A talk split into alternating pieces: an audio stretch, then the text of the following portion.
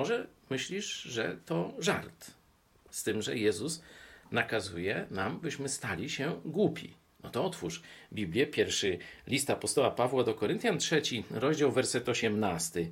Niechaj nikt samego siebie nie oszukuje. Jeśli komuś z was się wydaje, że jest na tym świecie mądry, niech się stanie głupim, aby stać się mądrym.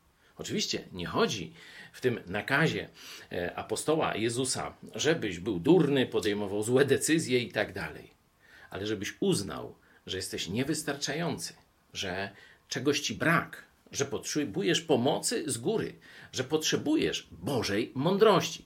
Dopiero kiedy uznasz swoją niewystarczalność, czyli w tym sensie głupotę, sam nie, da nie dam rady, nie ogarnę, wtedy dopiero możesz szczerze przyjść do Jezusa po pomoc, by stać się naprawdę mądry już Jego mądrością.